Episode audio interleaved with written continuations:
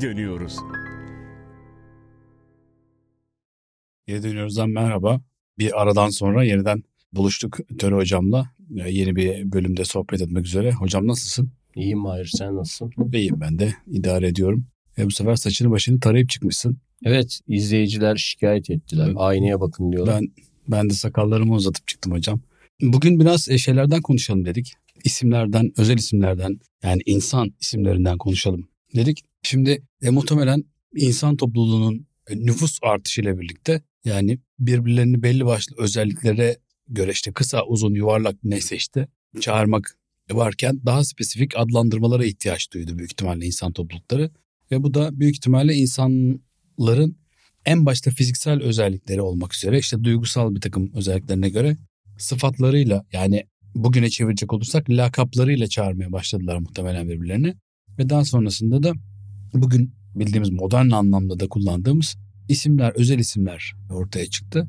Nedir mesela insanın isim koyma macerası yani neden birbirimize isim koyuyoruz? Bugün bu isimler ne anlama geliyor? Mesela hani birinin isminden mesela benim adım Mahir yani benim şey olmadığım belli yani işte Saadet Partili olmadığım belli mesela yani hani bir şekilde böyle ailemin işte sol bir gelenekten geldiği bilmem nesi falan filan çok açık. Yani hala isimlerle bir takım böyle mesajlar da veriyoruz. İşte böyle ne bileyim renk veriyoruz. Bir şeylerin altını çiziyoruz. Bir şeyleri gösteriyoruz falan filan. Mesela benim oğlumun adı Ethem. Ben onu yani üç sebepten dolayı bir Çerkez Ethem Mandırmalı olduğu için Ethem koymak istedim. Bir de Ethem Sarasülük benim arkadaşım da Ankara'dan. Onun adı bir şekilde yaşasın istedim. Hep isimlerde hep böyle bir şey yapıyoruz yani hani hala bir, bir tercih belli bir bir şey yansıtmaya çalışıyoruz yani. O eski bir gelenek ama biliyorsun değil mi? Ölen kişinin adını o anda yakın zamanda doğan kişiye vererek ölen kişiyi yaşatmış oluyorlar. Çok antik çağlı. Ama mesela mesela bazı Yahudi topluluklarında bildiğim kadarıyla Aşkenazlarda ölen yaşayan birinin adı verilmiyor galiba bildiğim kadarıyla. Yani işte mesela işte ben seni çok seviyorum diye oğlana oğlanın adını töre koyuyorum falan töre amcası işte kirvesi olsun bilmem ne falan filan diye. Galiba Aşkenazlarda mesela eğer yaşıyorsa konmuyor onun ömründen çalıyor Hı. diye inanıldığı için karıştırıyor olabilirim ama Aşkenazlar diye hatırlıyorum. Ya bu var ya ölen kişinin adını yeni doğan kişide yaşatma geleneği var. Bir de mesela Moğollarda da eski Moğollarda yani Cengiz Khan döneminde falan çocuklara kötü isim verme geleneği var. Yani insanlar onu kıskanmasın diye. Mesela bu Olcaytun'un Harbende diye bir adı var. Hı hı. Onu kötülemek için ya şey demek ben de biliyorsun Farsça kul köle anlamında harda eşek, Eşek. demek. eşek kulu gibi. Yani kötüleyici bir isim, e, küçümseyici bir isim koyuyorlar ki işte onu kıskanmasın. insanlar ona ona böyle nazar şeyle bakmasın diye önce kötü isimler de koyuyorlar. Küçültücü isimler koyuyorlar bilinçli bir şekilde. Ama tabii bu eski Türklerde, Moğollarda biliyorsun. Zaten çocuğa... Ama bu Anadolu'da da var biliyor musun? Yani mesela şey özellikle birkaç kayıptan sonra olan çocuklara yani onun canını almasın diye böyle kötü isimler. Mesela satılmış falan hani konur işte isimler falan böyle bu gelenek yani muhtemelen bizim Asya'dan buraya getirdiğimiz geleneklerden biri. Olabilir bir de geçici isim veriyorlar bunlar. Hani şimdiki bir isim verdi işte ilahi nihaye ölene kadar o kişi o ismi taşımıyor. O geçici bir isim çocukluk ismi. Amerika'daki o yerli gruplarda da var benzer gelenekler.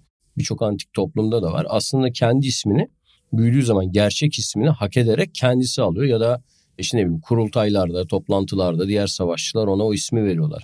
İşte örneğin daha önce konuşmuştuk sanırım bu Timuçin'in gençlik adı olan Timuçin'in sonra Hı, Cengiz Kağan'a dönüşmesi. Hatta sana bir film anlatmıştım. Ee, bunun sinemaya gitmiştik. E, Cengiz Kağan filmine de arkada böyle izleyiciler izlediler izlediler. Biri filmin sonuna doğru şey dediydi. Ya iki saattir Timuçin diye birini izliyoruz. Bu Cengiz Khan ne zaman çıkacak? Ne zaman yani kandırıldık o, gibi. o muhteşem bir film Ya, ama. ya, çok evet çok bir film güzel yani. bir film. Moğolca zaten onu konuşmuştuk seninle. Ya bu geçici isimler veriliyor. Bu Amerikan yerli toplumlarında da bu Dee Brown'un Kalbimi Vatanıma Gömün diye çok klasik bir. Kızılderili tarihini anlatan bir kitabı vardır. Yani önerebiliriz. Orada da işte çocukken verilen isimleri onlar kendileri e, ne bileyim savaşlarda gösterdikleri cesaretle ya da bir ayı boğan deniliyor mesela. Sonra bir ayı avına gidiyor işte bir erkeklik sınavlarını geçerek falan. Kendi isimlerini kendileri alıyorlar ya da onlara artık yeni bir isim veriliyor. Yani ilk verilen ismin kabına sığmıyorlar. O yüzden ailelerin kaygılarıyla verilen isimler yetişkinlik aşamasına terk ediliyor. O demin dediğin konu da ilginç. Ve Ben ona biraz aslında biraz karşıyım ama bundan kaçınamıyoruz. Yani çocuğun nasıl bir kimlik taşıyacağını kendimiz karar veriyoruz ve işte politik görüşlerimiz, dini görüşlerimiz doğrultusuna ortaya çıkan yavruya peşinden bir isim veriyoruz. Ama o ondan memnun kalacak mı? O bunun ağırlığı altında ezilecek mi? Yoksa bunu bir yük olarak görecek mi? Onları falan pek düşünmüyoruz. Mesela benim üniversitede bir arkadaşım vardı. Ayetullah da adı. Çocuk ne diskoya gidebilir, ne bara gidebilir, ne eğlenebilir. Kızlarla tanışırken bile tanışıyor. Şimdi herkes işte Berk, Can Berk işte falan filan. İşte merhaba ben Ayetullah deyince elini sıkayım mı sıkmayayım mı kızlar bile çekiniyordu yani. Böyle durumlar böyle bunları düşünmek gerekiyor biraz. Evet tabii senin adın Ulaş benim adım Mahir yani bu, bu konular üzerine konuşamayacak ben en son zaten yani. töre adını kullandığım için ben Ulaş diye bir adım olduğunu ortaokulda öğrendim. Çünkü benim bütün ilkokul kayıt belgelerinde falan sadece töre yazıyordu. Hmm. Ve benim o dönem yarışmalara falan girdiğim şeyler var. İşte resim yarışması, şiir yarışması falan her yerde töre Sivrioğlu yazıyor. Muhtemelen 80 darbesinin hemen sonraki yıllar olduğu için fazla o ulaş adı ortalıkta dolaşmamış ve ben böyle bir ismim olduğunu hani e, bayağı ileriki yaşlardı yani 12 yaşında falan öğrendim. Ama lisede ulaştın. Yani bir de tabii lisede solcuyuz molcuyuz diye de böyle ulaş demek de hoşumuza gidiyor sana. Valla benim hoşuma gitmiyordu çünkü başka ulaşlar yüzünden ben iki defa gözaltına alındım. yani farklı ulaşlar yüzünden evden polis alıp götürdü. O yüzden böyle ulaş adı bende hep şeydir yani böyle bir travmatik bir yanı vardır. O ulaş ben değilim diyene kadar iki gece nezarette kaldım ben. Şimdi Ulaş hocam. E, Bu yüzden kimseyle karışmayan töre adını tercih ediyorum. Kendi sorumluluğumu kendim almak için. Şimdi şöyle bir şey var. Bu ad edinme meselesi üzerine bu Amerikan yerlerinden örnek verdin ya. Bu arada Ulaş da biliyorsun Dede Korkut adıdır. Evet. Dede Korkut destanlık kahramanlardan. Ama sana herhalde Dede Korkut'tan ötürü Ulaş adını koymamışlardır ya, diye tahmin elbette ediyorum. ama o ilk Ulaş, Ulaş Bardakçı'ya verilmesinin sebebi Dede Korkut olması gerekir. Yani o destani bir isimdir yani aslında Türk destanlarında geçen. Ad edinmek üzerine bu Amerikan yerlerinden verdiğin örnekten itibaren oradan yola çıkarak bir şey söylemek istiyorum. Şimdi genel olarak aslında ad edinmenin yani ad verilmesinden bahsetmiyorum. Bir ad edinmenin yani eski Yunan'daki gibi işte ya da ne bileyim işte Hristiyanlıktaki vaftiz adı gibi işte böyle başka bir ad edinmenin şöyle bir hikayesi var büyük ihtimalle. Ad edinmenin aslında bir inisiyasyon olduğunu kabul etmek lazım. Yani şöyle bir şey. Toplum aslında bir yetişkinler örgütüdür. Yani yetişkinlerden oluşan bir gruptur toplum ve sonradan doğan bireyler yani yetişkin toplumuna sonradan doğarak eklenen bireyler bu topluma katılmak için belli başlı inisiyasyon aşamalarından geçerler. İşte ne olur? Yahudilerde bar mitzva, bat mitzva yapılır. Efendime söyleyeyim işte Müslümansa çocuk sünnet edilir bir şey olur. İlla ki bir bir şey vardı. Bir, bir inisiye olması için böyle bir bir bir tören bazı kabileler daha ağır daha sert Tabii, daha, dayanılması daha, yani. daha zor evet, ergenlik evet. sınavları vardır kanca geçirirler e, halka evet, geçirirler evet yani işte böyle yürünür. kadın sünneti gibi bilmem ne gibi böyle bir türlü şey var serçe yani. parmağın işte ucu kesilir falan böyle değişik zaten şeyler. hocam sünnet sözcüğüyle ilgili de biliyorsun böyle bir hmm. şey hikaye var ya sin yani diş kelimesinden geliyor sünnet e, ve şey yani İslamiyet öncesi Araplarda erkekler artık erginliğe ulaştıklarında dişlerini sivriltirlermiş. Yani o o dişe yapılan muameleye sünnet e, deniyormuş. Hani diş yapmak yani o. O yasaklanıyor sonra biliyorsun. Evet. İslam diş inceltmek Hı, diş yani ince. kaş almak gibi, Hı, saç eklemek gibi. Onda, o da yasaklanıyor. Bedeni ama, değiştirme Ama eylemin adı sünnet olarak kalıyor. Yani ve o da ilginç değil mi? İslam'ın izin verdiği tek beden müdahalesi yani net bir şekilde müsaade etti diyelim emretmedi. O sün erkek sünneti kadın sünneti tabii tartışmalı bir konu. Ama onun dışındaki bütün beden değişikliği hareketlerini yasaklıyor. Sünnet farz değil mi ki? Geç adı üstünde sünnet. Yok değil. Yani önerilen bir şey. Yani evet, ama doğru, çok doğru, yaygın doğru. o ayrı konu. Ama mesela işte kirpik almak, işte kaş almak, ne bileyim saç boya, saç eklemek, saç eklemek ilgili mesela çok şey hadisler var. Onun bir pagan ve Yahudi geleneği olduğu saça saç eklemenin ve kesinlikle yapılmaması gerektiği söyleniyor. O yüzden enteresan bir şekilde sadece e, izin verdiği bu. E, yani bu yetişkinler topluluğuna katılma töreni diyebileceğimiz çeşitli işte sünnetten tut da bar mitzva, bat mitzvaya kadar efendime söyleyeyim ya da işte vaftiz törenleri, işte ad edinme törenleri bilmem neleri falan filan. Bir şekilde yetişkinler toplumunda edineceği yeri işaret eden bir inisiyasyon sürecinden geçmesi gerekiyor. Ve yani modern öncesi toplumlarda diyelim bu tören gerçekleşmeden çocuk yetişkinler arasına katılamıyor aslına bakarsan. İşte yani şey ne demektir biliyor musun? Bar mitzva ya da bat mitzva işte bu Yahudiler Yok, kelime şey, anlamını bilmiyorum. Kelime anlamı şu. Mitzva emir demek İbranice'de. Bar da ve bat da şey demek. E, onlar İbranice'de, onlar Aramca da oğul ve kız demek. Yani Evet. emrin oğlu ve emrin kızı. Çok sayıda e, Süryani yazı var. Bar Yosef, işte Bar Şumma Yosef'in oğlu yani. Aslında Bar Habreus. Evet, evet. Greg, Ebul Ferec'in diğer adı Bar Habreus. Hatta tam Latince, Aramice orada karışmış. Hı. İbrani'nin oğlu demek değil mi? Habreus. Yani e, aslında İbranice olsaydı ben mitzva olması lazım. Evet. Öyle bar mitzva diye o herhalde muhtemelen o Babil sürgünü e, zamanından kalma bir kelime o. Ama bu tam lafını unutma bizim konuştuğumuz konuyla çok ilgili. Yahudilerin bir Latince bir İbranice isim alması, bir Aramice bir Yunanca isim alması o dönem çok yaygın. Roma İmparatorluğu döneminde bunu konuşmuştuk sanırım başka bir zaman yani programda değil de mesela işte Petrus'un aynı zamanda Saul olması, işte ne bileyim Pavlus'un aynı zamanda galiba Simon olması hı, karıştırıyor olabilirim şimdi onları. Tam tam tersi. Tam tersi değil mi? Karıştırıyorum evet o e, Kefas Petrus olması. Yani bir Latince, bir Yunanca ve bir İbranice ismi, Aramice ismi beraber taşımaları. Aynı olay Müslümanlığa geçiş aşamasında Türklerde de var. Mesela Ali Tegin çok yaygın bir isimdir yani. Bir Türkçe isim, bir işte Arapça ya da e, İbranice yani. İslami isim. Mesela bizim Selçuklu işte e, sultanların hem Çağrı, Tuğrul gibi Türkçe isimler taşırken bir yandan da Mikail, İsrafil gibi isimler taşıması gibi. Yani o bize şeyi de veriyor. O isimlendirmenin, erginlenmenin bir yandan din değiştirirken yeni bir kimlik kazanması anlamına da Bir de başka bir toplum tarafından kabullenilme arzusunu da işaret ediyor. Mesela hani Çinlilerin Amerika'ya gittiği zaman, Avrupa'ya gittikleri zaman orada kendilerine birer Anglofon isim seçmesi mesela. gibi. Mesela Jane diyor kendine falan filan. Aa, İşte adın ne diyorsun? Mesela Zaki diyor falan mesela. Ama onun, bir de onu Batılılar söyleyemeyeceği için de öyle bir şey. Yani bir adaptasyon, bir entegrasyon arayışı da var içinde. İşte bu inisiyasyon dediğim şey de toplu, yani yetişkin toplumuna çocuk bireylerin entegrasyonuyla, inisiye, inisiye olmasıyla alakalı bir şey. Fakat tek tanrılı dinlerle birlikte Yahudiliği biraz kenarda tutmakla birlikte tek tanrılı dinlerin dünyaya yayılmasının ardından bu inisiyasyon meselesi biraz aslında sekteye uğramış ve oradan sonra da kaybolmuş. Neden diyeceksin?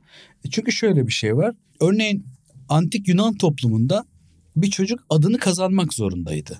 Yani işte atıyorum ormana bırakılıyordu, nehre bırakılıyordu, denize bırakılıyordu.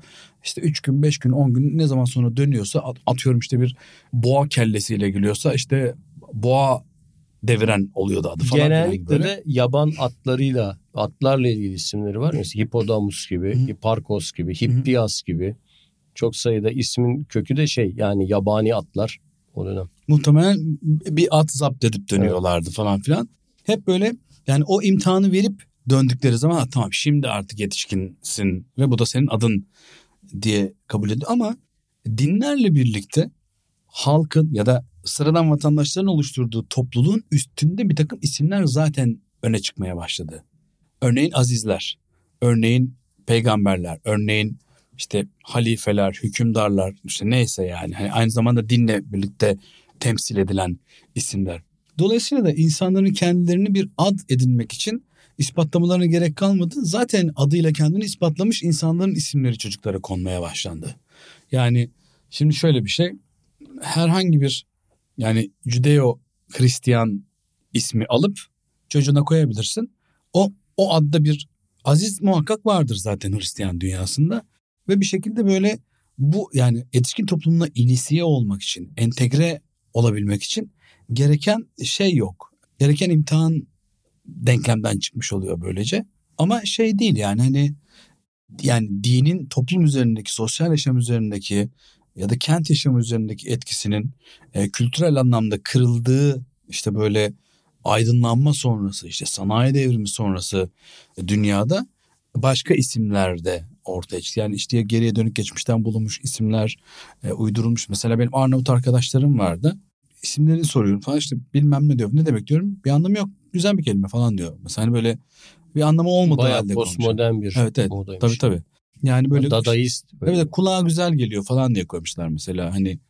Ama e, bu Türkiye'de de yaşanıyor biliyorsun. Yani Evet. Bazı Arapça hiçbir anlama gelmeyen. e, ya da ya da çok alakasız anlamlar. Ben mesela inşallah seyretmez de mesela bir tanıdığımız adı Nadan. Ha, evet yani, yani yani örnek verirken düşünmek gerekiyor yani bunları evet. Ya mesela Nadan yani bir kız çocuğuna Nadan adı koymak ya dan, daniş Farsçada bilmek, demek. bilgi demektir biliyorsun. Nadan bilgisiz cahil demektir. Yani çocuğun adını cahil koymak. Mütevazilikten öyle koymuşlar. Yani o şey gibi değil mi yani? Şey, evet, eş, eşeğin, şey. eşeğin, Olcaytu gibi. Olcaytu'nun ismi. Yani şey mesela Aleyna çok koyuyorlar çocuğun ismini. Yani, Üzerine. Evet, üzer, üzeri, üzerimize. Üzerimize. Üzerimize. Edat oluyor değil mi aslında? Evet. İnna var mesela. Şüphesiz. İnna evet. Tek başına bir inna şüphesiz. yani. Ama ne yani? Minel var. Yani mesela come from gibi bir şey herhalde. From gibi bir şey değil mi? Evet. Minel yani. From the. Yani gibi yani, bir şey minel. minel. Yani geçiyor mu? Geçiyor her yerde geçiyor. İşte geçiyor. dağdan, dereden, der, Minel, Minel Cebeli, Minel Türkiye. Yani illa her yerde var. Peki şimdi mesela isimler nasıl değişti sence? Neler oldu? Yani bizim şöyle yani son 300-400 yıllık tarihimize baktığımızda yani Türklerin işte bu Müslümanlığa geçtikten sonra çok uzun süre Türkçe isimlerini korumaya devam ettiler. Hı hı. İşte o dediğin o satılmışlar, durmuşlar, işte kaygısızlar. Hatta ben şeylere baktım. Kanuni Sultan Süleyman devri mahkeme kayıtları falan. isimler ağırlıklı olarak hala Türkçe. Yani mesela Alaca, Karagöz, Sarıca böyle çok fazla Demirtaş, Timurtaş çok sayıda Türkçe isim var yani bireylerde. Kadınlarda da öyle yani mesela Çiçek hmm. çok yaygın isimlerden Balım. falan. Onun gibi. Hmm. Birkaç da böyle işte Farsçadan falan geçmiş ama halklaşmış Farsça yani halk diline yerleşmiş Farsçalardan. O var o şekerpareler, mahbeykerler falan gibi. Sonra günümüze yaklaştıkça yüzyıllar içerisinde Arabi isimler, peygamber isimleri artıyor. Ama onlar da Türkçe fonetiğe uygun olarak geliyorlar. Yani mesela Osman diyor yani Üsmen demiyor yani.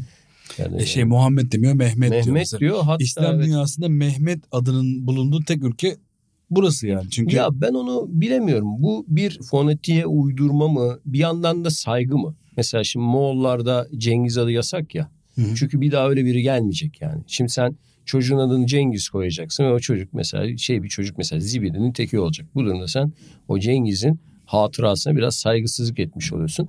Eskiden mesela bu kadar Muhammed adı yoktu farkındaysan. Hı hı. Ben bunu biraz saygı olarak da görüyorum. Yani çünkü düşünsene mahallede bu isimde bir arkadaşım var. E, futbol oynuyorsun. E bir şeyler bağıracaksın yani. Ya hı. öyle de olur mu falan Bilmem gibi. Yani diyeceksin arkasından da o isim gelecek. Şimdi sanki toplum o zaman böyle düşünüyordu ve böyle bunları bu yan doğru, yana getiriyordu. Bunu anneannem söylerdi benim. Yani ben bunu böyle hatırlıyorum yani. Hani Çocuğa, o yüzden öyle çocuğa Muhammed bilmem ne falan ismi evet. olmaz derdi. Çünkü lüzumsuz bir çocuk olacak mesela. O adın ağırlığını, saygınlığını kirletecek. O yüzden daha böyle hani gö- onu daha e, simgesel gösteren mesela Ahmet gibi, Mustafa gibi isimler konuldu. Ya da işte Mehmet tarzı Türkçeleştirilmiş versiyonuyla. O yüzden mesela bunlar ortadan kalktı. Ya bu bir bilgi ama yani bu bir ihtimal ama bununla birlikte Muhammed ve Mehmet aynı şekilde yazılıyor. Ama nasıl okunuyor? Şimdi ben e, Hitti'den okumuştum onu. Gene oryantalistlerden örnek vereyim ya. Biz Muhammed adının nasıl vurgulandığını, vurgu hecelerin yani hangisinde olduğunu, önde mi, ortada mı, sonda mı hala bilmiyoruz diyordu mesela. Hmm. Yani he, vurgu nerede mesela söylerken? Tamam. Ama hayır o ayrı canım yani işte M, H, şey mim, ha, mim, dal da yazılıyor ya. Hı hı. Yani ekstra bir sessiz harf yok, hiç şey, sesli harf yok içinde. E Mehmet de aynı yazılıyor. Aynı yazılıyor ama işte şimdi mesela Araplarla temas ne düzeydeydi? Yani şimdi Türkler Müslüman oldu ama Türkler Araplarla çok fazla temas içinde değildik mesela. Ömer diyoruz biz. Halbuki Amr diye de okunuyor. Omar diye de okunuyor. Muhtemelen bunlar duymadılar hiç. Nasıl tam olarak ya da o duyduklarını mecburen şeye uyarladılar. Türk fonetiğine, Türkçe fonetiğe uyarlar. İşte acaba öyle bir şey mi var? Mesela Kürtlerde Mehmet diyorlar mesela yani. Ama onların e, onlar Araplarla çok daha uzun süre ve çok daha coğrafi olarak yan yana yaşadılar ve Türklerden önce Müslüman oldular. Bunu unutuyoruz mesela. Türklerin Müslüman olması ne? Daha 1200'ler falan aslında kitlesel anlamda. Ama Kürtler daha İslam'ın ortaya çıktığı zamandan beri o e, coğrafyanın içinde onlarla birlikte yaşıyorlar. Türkler ise İslam'ı nereden öğrendiler? İranlılardan öğrendiler. Yani Hı. Samanilerden öğrendiler. O yüzden biz bütün e, İslami terimleri hani bunları konuşmuştuk sen işte abdesttir, namazdır, oruçtur, peygamberdir bunların hepsi Farsça. Ve hepsi Türkçe fonete uydurulmuş bir şekilde böyle öğrenildi. O yüzden bu peygamber isimleri de Türkçe'ye uygun bir şekilde yerleşmişti. Böyle kullanılıyordu. Bunun sebebi dil olabilir. Dil yeteneğinin sınırları olabilir, saygı olabilir, yanlış öğrenme olabilir. Hı hı. Bunların toplamı olabilir yani antropolojik olarak tam net bir şey söylemek mümkün E, değil. hepsi. Ya da hepsi evet yani şey sorusu, üniversite sınav sorusu gibi. E, Bu arada tabii son zamanlarda kitabi kültürün yayılmasıyla yani artık her tarafta Arapça öğretilmesi, kitapların artması yani iletişim olanaklarının artması mesela işte Arap kanallarının Suudi Arabistan o yayının izlenmesiyle hani gerçekten şey isimler gelmeye başladı çocuklarda. İşte Medinetü Zehra diye benim öğrencimin isimleri var mesela Ecrin diye isim var. Bunlar mesela yoktu eskiden. Yani Yoktu, geleneksel yoktu. isim olarak yoktu. Şeye doğru bu me- Es, esile var hocam. Esila ne demek biliyor musun? Esila? onu bilmiyorum anlamını. Ben de bilmiyorum. Yani onları baktığın zaman işte ne diyor? Cennet kapısının anahtarının sağa çevrilirken çıkardığı ses falan gibi böyle bir takım şeyler söylüyorlar. Yani tek tek hepsine bakmak lazım. Şimdi bu Mehmet adı da şeyde çok yaygın yalnız. 19. yüzyıl sonunda hatta şöyle bir örnek vereyim sana.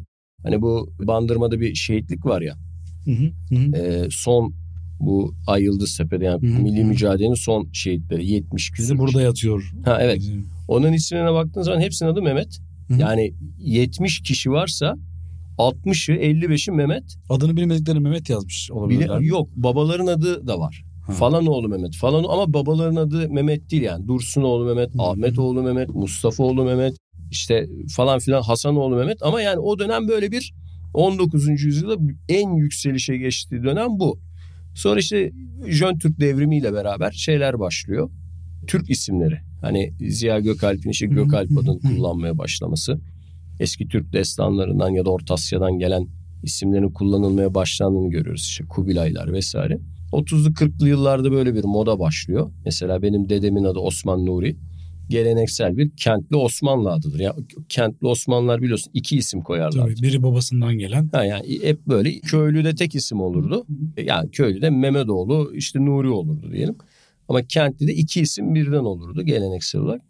O da çocuğun adını ne koyuyor? Teoman koyuyor mesela. Hı hı. Çünkü artık 30'lu 40'lı yıllarda o Öztürkçe'ye dönüş hareketi içerisinde işte Hı hı. o dönemki isimler Atillalar, e, Meteler. Mete, Metehanlar. Meteler, işte Han'la biten Kaanlar, Hakanlar şunlar Hı hı bunların dönemi. O bize kadar devam ediyor. E, 80'li yıllarda falan mesela ben şey bir yerde büyüdüm. Yani 10 bin nüfuslu bir Güney Marmara kasabasında büyüdüm. Yani böyle elit bir e, bölgede falan büyümedim. Ama bizim mahalledeki bütün çocukların adı Türkçeydi. Yani işte Umut, Selçuk, Evren. Evren çoktu, Hakan çoktu. Bir sınıfta 5 Yani tane şey Hakan. herhalde Kenan Evren'den koyuyorlardı biraz da. Olabilir ama bir iki tane evren vardı hemen şeyden önce yani 79 doğumlu falandı. O yani hemen böyle bir yılla falan kurtaranlar çoktu. Ama en yaygın isim Kaan, Hakan, Gökhan. Gökhan, işte Denizhan, Gökhan gibi isimler. Bunlar çoktu. E, Umut, Ümit onlar çoktu. Hı hı. Genelde böyle isimler Türkçeydi.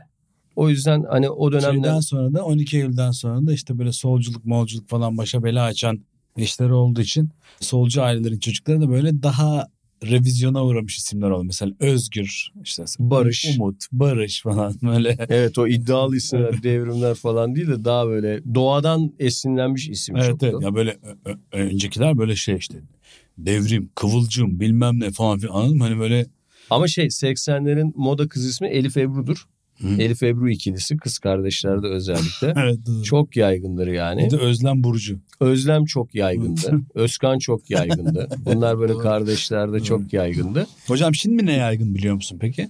Vallahi şimdi biliyorum. Neden biliyorum? Çünkü ben Arka on- götürüyorsun çocuğu ve ben- ondan biliyorsun Yok mi? hayır. Ben 10 yıl üniversitede derslere girdim ve binlerce sınav kağıdı okudum. Ee, Çocukların isimlerine sürekli not vermekten. En yaygın kadın adı Nur. Ama ikinci isim olarak Hı, Nur. Beyza Nur. Beyza Nur, Ecrin Nur, Eda Nur, Hüsna Seda Nur, Nur. Sema Nur. Benim iki öğrencim vardı mesela. Eda Nur birleşik, Eda Nur ayrı. Onları ben türlü not verirken ben ona, de işte imza günlerinde onu çok ona sıkıntı 90, yaşıyorum. buna evet. yanlışlıkla 20, ona yanlışlıkla o çok karıştırdım. Bir de bir öğrencim geldi bir gün. Şimdi bunu izlerse hemen şey yapsın. E, not vereceğim. Tamam dedim. Dilekçe falan vermiş. Adın ne dedim? Nur dedi. Ben de ne Nur dedim? Sadece Nur dedi. Ben de ya dedim kızım sadece Nur diye isim mi olur.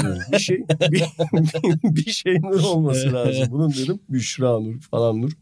Hayır hocam sadece Nur dedi. Bak karıştırmamak için seni sadece Nur diye kaydediyorum dedim buraya. Tamam hocam sorun değil dedi ve ne zaman arasa kendini hocam ben sadece Nur diye tanıtıyordu. Evet. Ben kısaca Halbuki-. Evet, bir sınıfta 25-30 tane Nur adlı kadın öğrenci oluyordu. Erkeklerde Furkan en yaygın isimlerden biriydi. Yalnız çocukların şu eğilimine de çok dikkat ediyordum. Bir Arapça bir Türkçe ismi olanlar hiçbir yere Arapça adı yazmıyorlar. Hmm. Mesela çocuğun Türkçe adı Tan bir de işte bir daha eskilerden gelen bir adı var. Sadece o Türkçe adını yazıyorlardı. Şeyler ortada o Hocam ben de bir sonraki yani sen 2000 sonrası doğumlu çocuklardan bahsederek söylüyorsun bunu. Tabii benim çocuklarım Ben- 23 yaşında adamlar, kadınlar. Ben 2010 sonrası çocukları e, kastederek sormuştum. Onlarda da belli başlı bir takım adamlar, adlar var. Ada, Su, Mira. Yani Ee, coğrafyadan böyle. Tabii tabii biraz daha böyle Fiziki atlastan. ya böyle şehirden işte bir sahil kasabasına göçmüş Biraz şeyden var. bıkmış kalabalık. ve- Atlas yani çok var bu arada. Evet. Neden bilmiyorum. Atlas Atlas Atlas çok. Bir de Yunan mitolojisine atlar artık var ve bana bunu biri söyledi. Yani sürekli de ağır, Venüs duydum. ağır Arabi Hı hı. isimleri eleştiriyorsunuz ama bu Yunanca isimlerin yayılması hakkında ne düşünüyorsunuz diye sordu. Hani işte Athena, Artemis. Apollon gibi isimler yayılıyor dedi. Evet var artık Hera falan. Bu konu şöyle düşünüyorum. Bunların bir kısmı Yunanca değil zaten aslında. Çok daha eski Anadolu Anadolu, kökenli, uygarlıklarından mesela şimdi Aleksandros, Paris bu tür isimler yani e, bunlar Yunanca değil aslında. Yani İskender'in kaynağı bir muhtemelen bunlar Hititçe falan neyse Hattice. Onu geçelim. İkincisi coğrafya olarak bunlar bizim parçamız olan şeyler. Hı hı. Yani e, örneğin e, şimdi Dafne adı Tabii, çok tabii. yaygın kullanılıyor yani Defne adı işte ne bileyim Nergis mesela e, bu Narkissos'tan gelen mitolojiden gelen Sibel adı mesela işte Kibele'den Kibele'den. gelen yani bunlar halk tarafından da büyük ölçüde kabul edilmiş Volkan mesela yani Evet, Vulkanus Vulkan. Hı. yanardağ tanrısı Roma yanardağ tanrısı ama her yerde var yani İşte Bora mesela kas- denizci kasabalarda çoktur bilirsin Boreas. Boreas'tan Yunan rüzgar tanrılarından biri. Bunlar yerleşmişler yani. Başkaları da yerleşebilir. Yani tabii zaten e, yargılama anlamında Hera, Athena konulabilir yani. Ama bunları yabancılaşma olarak görmüyorum. Modernleşmenin herhalde biraz açılımlarıyla ilgili. Hocam bir de de- ne anlama geldiğini de de kim biliyor ne yani. istiyorsa da koysun ya. Tabii ki canım. canım. Bir de anlamlarını da biliyorlar bu arada. Hani ne anlamda olduğu biliniyor. Senin Arnavut arkadaşlar gibi ya kulağa hoş geliyor. öyle bir şey değil ya. Hocam güzel bir sohbet oldu. Yani bu benim epeydir seninle konuşmak istediğim bir şeydi zaten. Evet sen zaten tarih konuşmayalım da ne Tarih, konuşuyorsun? tarih konuşmayalım. Ben ne Yoksa bana kalsa şimdi? bu arada kapatmadan önce bir düzeltme yapmak Tamam çok hızlı düzeltmen Sen lazım. kızıyorsun ama geçen programlarda Şahnamene'nin beyit sayısını toparlayamamışız. 20 bin demiştik hocam. Sen 20 bin dedin ben 40 bini arttırdım. Sonra sen senden cesaret alamayınca 20 bin mi diye düşünüp 60 bin olacak. İkimizin toplamı anca işte. ya evet anca ikimiz top... Zaten niye iki kişi İkimiz bir adım yapıyoruz? ettik yani. Evet Hani- iki- ikimizin program yapmasının İkimiz sebebi bu. İkinci uyarı hemen Gazeli Mahmut'la Ayaz'ın aşkını anlatırken kaynak olarak galiba Baharistan'ı göstermişim. Molla Cami'den söz etmişim. Sonradan aklıma geldi o Feridüddin Attar'ın ilahinamesinde. Yani arayanlar Biz varsa Burada biraz ayıp etmişsin hocam. yani şimdi arayacak bakacak burada böyle bir şey yok. Bunlar niye böyle e, yanlış bilgi kamuoyunu yanıltıyorlar demesinler. Yani. Hocam tadımızı kaçırdın resmen. Evet Attar'ın ilahinamesine bakabilirsiniz. Hocam teşekkür ederim bu kıymetli Ben teşekkür ederim. tekzip ve tadilat için. Veda edelim. Ben Töre hocama teşekkür ediyorum. Bizi dinleyen, izleyen herkese de teşekkür ediyorum.